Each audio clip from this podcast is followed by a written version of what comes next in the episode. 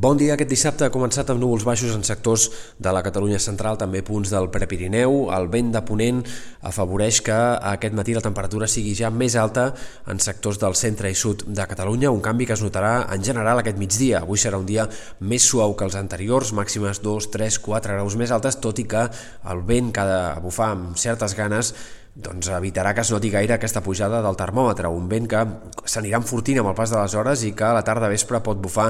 amb ratxes de 70-80 km per hora, sobretot en sectors del prelitoral, a punts del Penedès, per exemple, comarques prelitorals de Tarragona, sectors de les Terres de l'Ebre, Camp de Tarragona, en tots aquests sectors, aquest vent d'entre Ponent i Mestral bufarà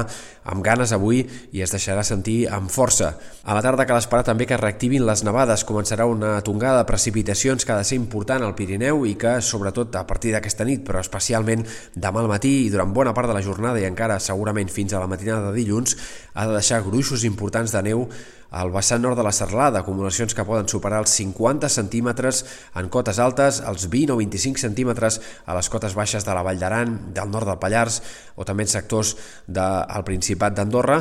i eh, també hem d'esperar que de cara al migdia i tarda d'aquest diumenge la nevada pugui saltar fins al vessant sud de la Serlada i també acabi acumulant gruix en moltes altres capitals del Pirineu.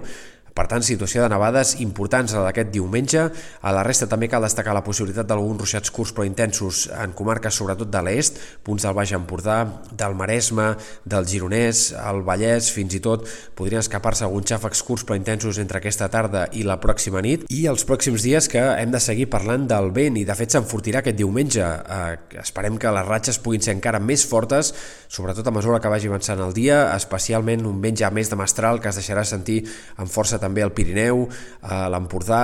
en sectors de les Terres de l'Ebre i Camp de Tarragona especialment, i que de cara, sobretot les últimes hores de diumenge o les primeres de dilluns, podria arribar a bufar, com ja ha passat aquesta setmana, amb ratxes de més de 100 km per hora en alguns casos. Per tant, atents a aquestes fortes ventades que aniran a més a mesura que vagi avançant el cap de setmana. Seguint la previsió de cara al pont, el que ens espera per després és un temps una mica més tranquil, amb menys vent a partir de dilluns a mig matí, amb nevades que aniran eh, desapareixent, però que podrien encara tornar amb una nova eh, pertorbació que arribaria de cara a dimarts a la nit i dimecres. Un front càlid que dimarts a la nit podria comportar precipitacions més aviat en forma de pluja, en aquest cas en molts sectors del Pirineu Occidental, especialment al vessant sud de la Serlada, i de cara a dimecres a última hora probablement tornarà a nevar amb ganes, altre cop sobretot al vessant nord del Pirineu. Per tant, seguiran els canvis de temps a la segona part del pont, tot i que siguin més puntuals i més concentrats ja cap al final, cap a, a partir de dimarts a última hora. El vent també seguirà deixant-se sentir, però amb menys ganes i hem d'esperar pujades i baixades del termòmetre.